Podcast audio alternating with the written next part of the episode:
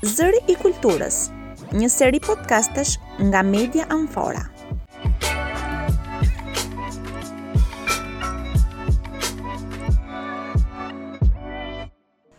Përshëndetje dëgjues të medias Amfora. Ky është episodi i 12 i serisë së podcasteve Zëri i Kulturës dhe në këtë episod do t'u japim zë atyre që nuk munden të flasin, kafshëve. Shumë prej nesh kemi qenush, mace, apo kafshë të tjera shoqërimi apo shpend të cilët i konsiderojmë gati si pjesëtarë të familjes tonë. Por a ka arritur shoqëria jonë të krijojë një kulturë në trajtimin e tyre? Në këtë seri të podkasteve ne do të jemi me aktivisten e mbrojtjes së drejtave të kafshëve, Jenny Müller, për të folur edhe për punën që bëjnë aktivistët në mbrojtjen e të drejtave të kafshëve. Jenny ka lindur në Vlorë, por ka emigruar në moshën trembëdhjetë vjeçare në Zvicër. Edhe pse në një vend të huaj, ajo nuk i ka lënë pas dore ëndrrat e saj. Në Zvicër ajo ka themeluar organizatën Jeta Tier und Mensch, Jeta Njerëzit e Kafshët, me fokus mbrojtjen e kafshëve. Ajo prej gjashtë vitesh tashmë punon nga Zvicra për kafshët endacake të Shqipërisë, konkretisht në qytetin tonë të Durrësit dhe në Fier dhe kthehet disa herë përgjatë vitit për t'u kujdesur për to. Xheni faleminderit që u bëre pjesë e podcasteve Zëri i Kulturës. Livia faleminderit juve që më ftuat për këtë mundësinë që mund të jap. Kur flasim për kulturë, kemi të bëjmë edhe për kulturën që kanë njerëzit, por edhe institucionet ndaj kafshëve. Si e shikoni ju gjatë gjithë këtyre viteve eksperiencë që keni punuar këtu? Sa të ndërgjegjshëm janë së pari njerëzit për mbrojtjen ndaj kafshëve? Ëm um, Mendimi im është një mendim që i përket një shqiptare e emigruar për 31 vjet. Mentaliteti është rritur në në Zvicër dhe nuk dhe kam kam shumë vite që nuk kam qenë në Shqipëri për këtë arsye um, mua më duket shumë e pazhvilluar um, ky mentalitet dhe kultura për mbrojtjen e atyre që nuk kanë fjalë. Por i kuptoj mbasi dhe Shqipëria ka disa problematike të tjera kur për njeriun janë më kryesore se sa për të për të mbrojtur kafshët në fillim kur dhe njerëzit janë ndonjëherë pa të pambrojtur. Pra, vështirësitë tona ekonomike, sociale shpeshherë na bën që ne të mendojmë vetëm për vete dhe mos mendojmë fare për kafshët, pra. Po, është shumë e drejtë kjo, mbasi um, unë në fillim nuk e kuptova këtë, po pak nga pak po e kuptoj dhe po ndryshoj dhe mendimin tim duke um, filluar të kuptoj si kafshët që janë pa fjalë, pa gojë dhe pambrojtura, por dhe njerëzit dhe të filloj të kuptoj dhe pak mentalitetin shqiptar që unë e kam lënë para 31 vjetëve këtu dhe ende është akoma këtu. Po institucionet si paraqiten në raport me trajtimin e kafshëve të rrugës? Ëm, um, Livia më vjen shumë keq që po them këtë pikë, por jam shumë e zhgënjyer.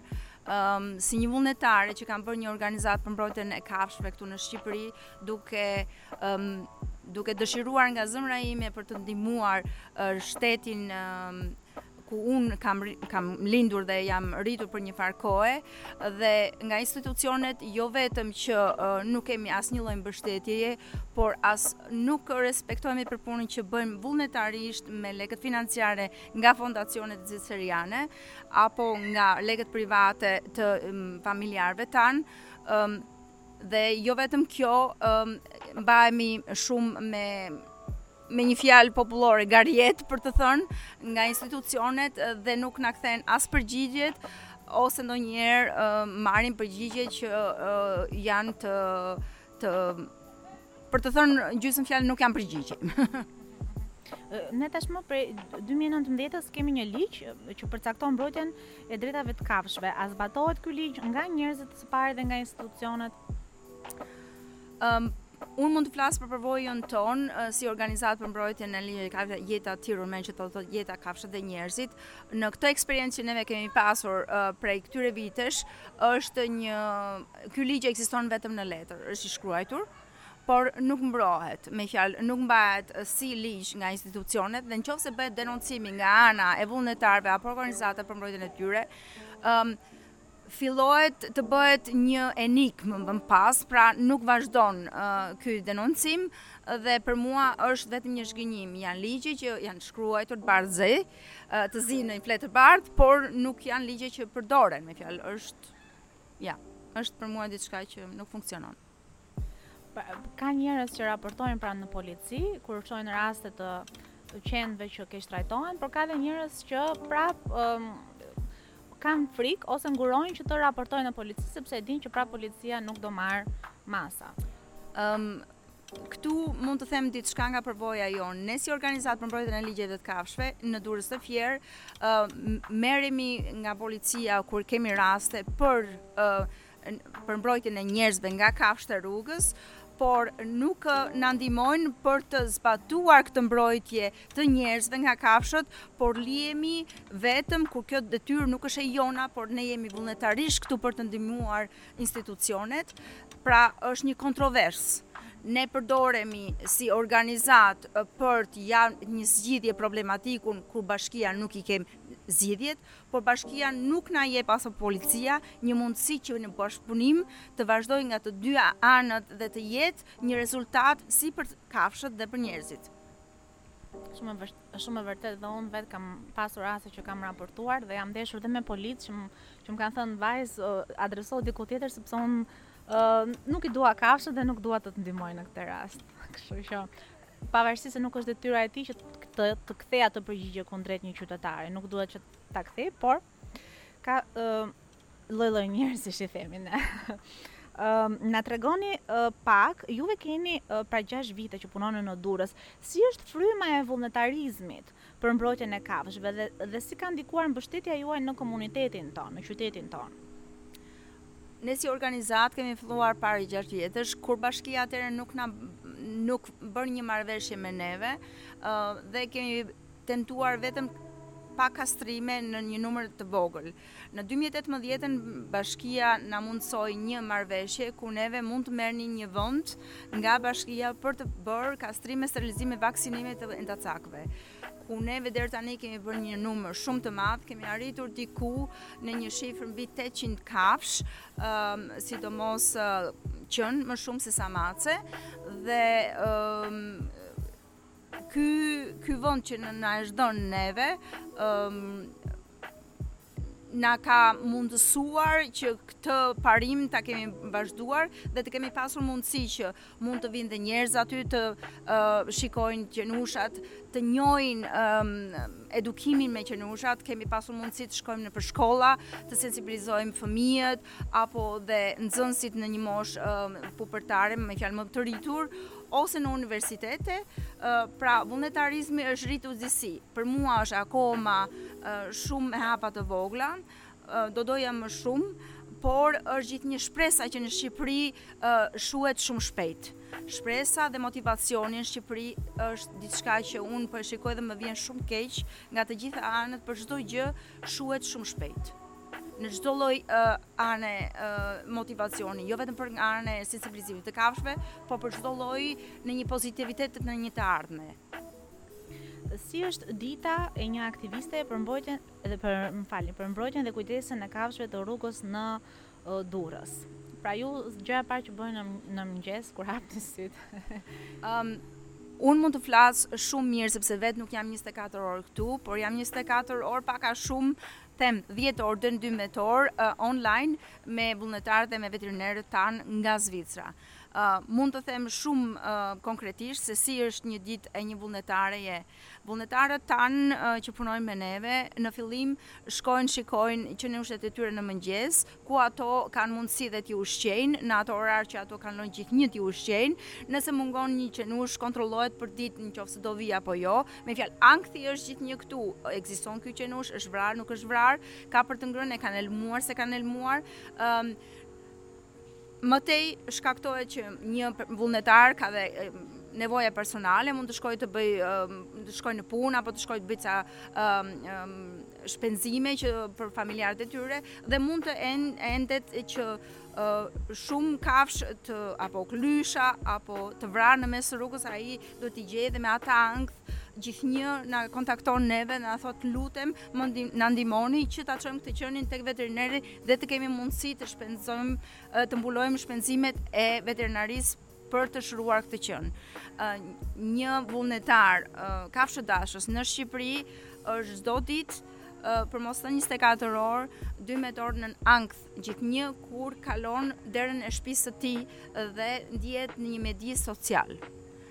Gjithmonë për frikën e jetës së kafshëve. Pra juve keni tashmë vullnetarë në nismën tuaj dhe um, si funksi operojnë vullnetarët? Janë të ndarë me zona, nëpër lagje? Um, po, kjo është një dëshirë që e kemi neve dhe duam ta konkretizojmë akoma më shumë. Ne do donim që çdo vullnetar uh, që do kafsha të na kontaktojë dhe në të ardhmen sepse nuk jemi plotësuar akoma ku ne të mundësojmë në çdo lagje apo në qark të, të Durrësit të të kemi mundësi të dimë se sa qen janë të kastruar dhe të sa qen janë të pakastruar. Dhe në qoftë se ka qen që janë të pakastruar, po kanë pronar dhe mundësia financiare nuk ekziston, ne ju jemi për ndihmë këtyre familjarëve uh, gjithmonë me shpenzimet e organizatës, por gjithnjë me sensibilizimin e familjarëve që kanë qenushin për regjistrimin e tyre, mbasi ligji ekziston dhe eksesoj, e theksoj, Ligji ekziston që kafshët me pronar duhet të regjistrohen dhe të mbahen në database, diçka e tillë nuk ekziston. Ky ligj nuk ka dalë në datë në vitin dy mijë e nëntëmbëdhjetë, po ka vite më parë që ka dalë. Dhe këtu fillon problematika më e madhe për kafshët e rrugës, mbasi nuk mbahen në kontroll. Më fal që dola nga uh, pyetja që më bëtë. Uh, pyetja ishte për vullnetarët që janë nëse në në lagje të ndryshme, ata na sinjalizojnë siç u tha më lart, por uh, në qofë se ndonjë qenushe është e plagosur, ku është sterilizuar, në qofë se neve mund të ndihmojmë me ushqime, apo në qofë se ka ardhur qenush i ri në lagje, ku mund të vazhdojmë sterilizimin dhe vaksinimin e tyre, jemi gjithnjë up to date, pak a shumë, jo sigurisht për gjithë Durrësin si qark, por për Durrësin si qytet. Cilat janë zonat më problematike të qytetit që kanë mbipopullsi të themi mbishtim të madh të qenushave dhe që është e vështirë që të administrohen. Ëm Një nga pjesët më të me fjalë lagjet më të më të vështira që është është Vollga, është porti, lagja 4 me sa e di unë, dhe plazhi. Mbasi në këto vende abandonohen apo lëshohen në rrugë shumë qenusha me që kanë qenë në familje, Dhe në këto vende i porti është një vend shumë i thjeshtë sepse shkojnë në traget dhe ikin lënë qenushin aty dhe ikin. Ka pasur po, me vërtet të tilla raste. Po, ka pasur konkretisht me vërtet të tilla raste dhe neve na uh, kemi uh, dhënë kartën vizitës të gjithë punëtorëve të portit për të na sinjalizuar shpesh herë në qoftë se lihen qenusha të rinj, janë qenusha race, pra nuk ka mundësi të jetë qenush rrugës uh, dhe uh, Ky numër theksohet gjithnjë e më shumë. Vollga është sepse ka restorante dhe mund të gjetë ushqimin Vollga Currila diku aty, ngaqë është gjithë bregu me restorante, i lëshojnë aty sepse e dinë diku do han, diku do kenë mundësi për të ngrënë. Plazhi është i njëjta gjë si, mbasi shkojnë me pushime dhe kur rikthehen nuk i marrin qenushat me vete ose diçka e tillë. Është Është shokuese për neve. Është absurde. Po për sa i takon zonës së Porto Romanos dhe Spitallës, unë di që ju punoni dhe me qenushat e universitetit, sepse aty ka shumë qenusha dhe ju i ushqeni Faleminderit Livia që më kujtove këtë gjë, mbasi u përcakto u përqendrova po, në qendër. Po, po, u përqendrova në qendër ku dhe populli ta dijë që neve jemi në dijeni të problematikave dhe merremi në telefon nga policia apo nga personat që janë të shqetësuar, kjo është një pikë shumë e madhe. Landfilli, që është Eco Park diku në të ardhmen, është një problematikë e madhe. Universiteti Aleksandr Moisiu, po edhe ashtu është diku nga fusha ushtarake, për diçka e tillë, apo vilat, ku është një pod, apo RTC-ja, Atje braktisen shumë nga fshatrat, sidomos që dikush nuk e do më qenin apo i ka lindur klysha dhe nuk e di se ku t'i vë, nuk do t'i vrasi dhe në fund fundit i braktis diku aty. Për të hequr për të hequr ndjenjën e keqe të tij dhe t'i lërë në mëshirë të fatit diku të ngordhë për vete.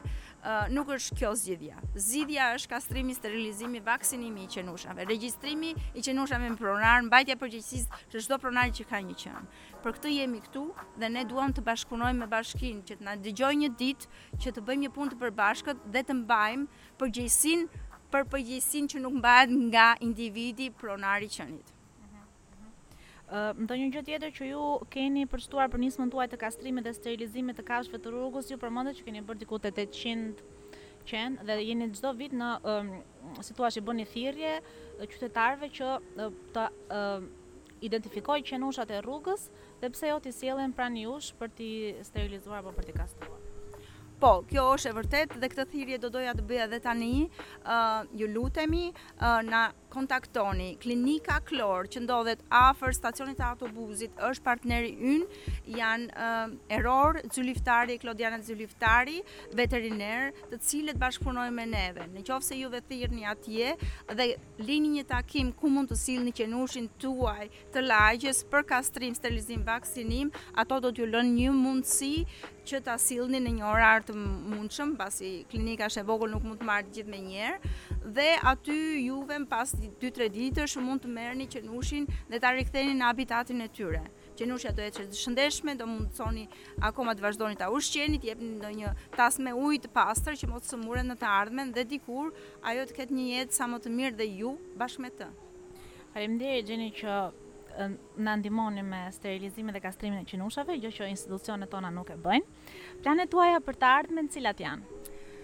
Planet tona për të ardhmet janë që neve të kemi mundësi që bashkia këtë vend që na ka dhënë në 2018-ën ta kemi plotësisht në në për nevojat e këtij misioni që është bërë, mbasi ky vend ka qenë dikur një klinikë veterinare për projekte sterilizimi kastrimi dhe është dedikuar ky vend, tashmë ky vend është për mbeturinat e Durrësit ku vijnë provizorisht aty dhe merren sërish. Pra, ky vend përdoret për kastrim e sterilizim vetëm një e pesta nga ky vend mund të përdoret për këtë gjë, katër e pesta e këtij vendi përdoret për bashkinë për mbeturinat e e Durrësit. Pra bashkia ju ka dhënë një vend për të mbajtur qenushat dhe në të njëjtën kohë po në këtë vend vjen edhe hedh mbeturina. Po. Është një pengesë shumë e madhe që ky këtë vit na dha një një na dha një tronditje jo vetëm nga ana që nuk mund të menaxhonim dot më, por kemi dhënë dhe shumë shpenzime të mëdha. Kemi investuar. Po, shumë. Kemi arritur deri 7 milion tani dhe po përdorim kopshtet e vullnetarëve për të bërë mundësinë që të sterilizojmë, vazhdojmë të sterilizojmë qentë, ku është një kopshtet oborret. Oborret, më falni. jo, kopshtet vullnetare do do të them oborret e shtëpisë. Po. Oborret e shtëpisë i rrethojmë që të kemi mundësi t'i mbajmë qenushët ata në atë periudhë që ata duhet të rrinë nën mbikëqyrje para se të rilëshohen në habitatin e tyre. Xheni, për ta përmbyllur, do të dëshiroja një mesazh nga ana juaj pse duhet t'i respektojmë kafshët. Um, faleminderit Livia dhe unë përmallohem gjithnjë. Më vjen shumë keq. Dua t'ju jap një mesazh nga zemra. Ne jemi njerëz. Fjala njerëz do të thotë humanizëm. Humanizëm do të thotë të jesh social. Çfarë është kafsha? Kafsha është një gjë që ndjen, është një shpirt që ndjen dhimbje dhe dashuri. Ëm um, Unë, siç e kemi bërë dhe organizatën me emrin Jeta Tier und Mensch që do të thotë jeta kafshët e njerëzit jam e bindur të jemi neve njerëz, të jemi ne humanizëm dhe social, është gjë e parë që mund të fillojmë aty nga kafsha, mbasi ato do na i rikthejnë um, ndjenjat e humanizmit, e ndjenjat sociale dhe ndjenjat e dashurisë 100.000 herë më shumë se çfarë neve mund të mendojmë që um, tani që nuk e bëjnë. Um, kafsha është, um, siç i thonë në Latein, animale, um, anima, um, anima është një shpirt. Um, Ky është mesazhi im. Uh, nuk mund të them më shumë, sepse nuk ka çfarë të thuhet më shumë. Janë dashuri dhe shpirt. Dhe unë u bëj thirrje gjithë njerëzve që mos t'i ngacmojnë, uh, qenushat dhe macet apo kafshët që shohin në rrugë, uh, t'i respektojnë, të respektojnë habitatin e tyre, vendin e tyre, të raportojnë në institucione, në polici sa herë që shohin raste të keqtrajtimit të tyre, mos të kenë frikë, këtë mund ta bëjnë edhe anonim. Dhe sigurisht përveç se policisë që duhet që t'i marrë me seriozitet raportimet e qytetarëve, i bëj thirrje edhe bashkisë Durrës që të ndihmojë Në ecjen përpara të këtij projekti të sterilizimit dhe të kastrimit të qenushave dhe mundësimit të një strehe sa më të mirë me kushte më të mira për ta. Faleminderit që ishe me ne Gjeni. Faleminderit juve Livia që më dhatë mundësi që të shprehja ndjenjat e mia dhe dëshirat dhe punës që ne bëjmë çdo ditë. Dhe like dhe follow Jeta Tier und Mensch në Facebook dhe në Instagram. Po, dhe, dhe klinika Kloer dhe në YouTube. Zëri i Kulturës, një seri podcastesh nga Media Amfora, realizuar me mbështetjen e projektit Media for All, financuar nga Qeveria e Mbretërisë së Bashkuar. Na ndiqni në platformat amfora.al, si edhe në SoundCloud, Mixcloud, Google Podcast dhe YouTube.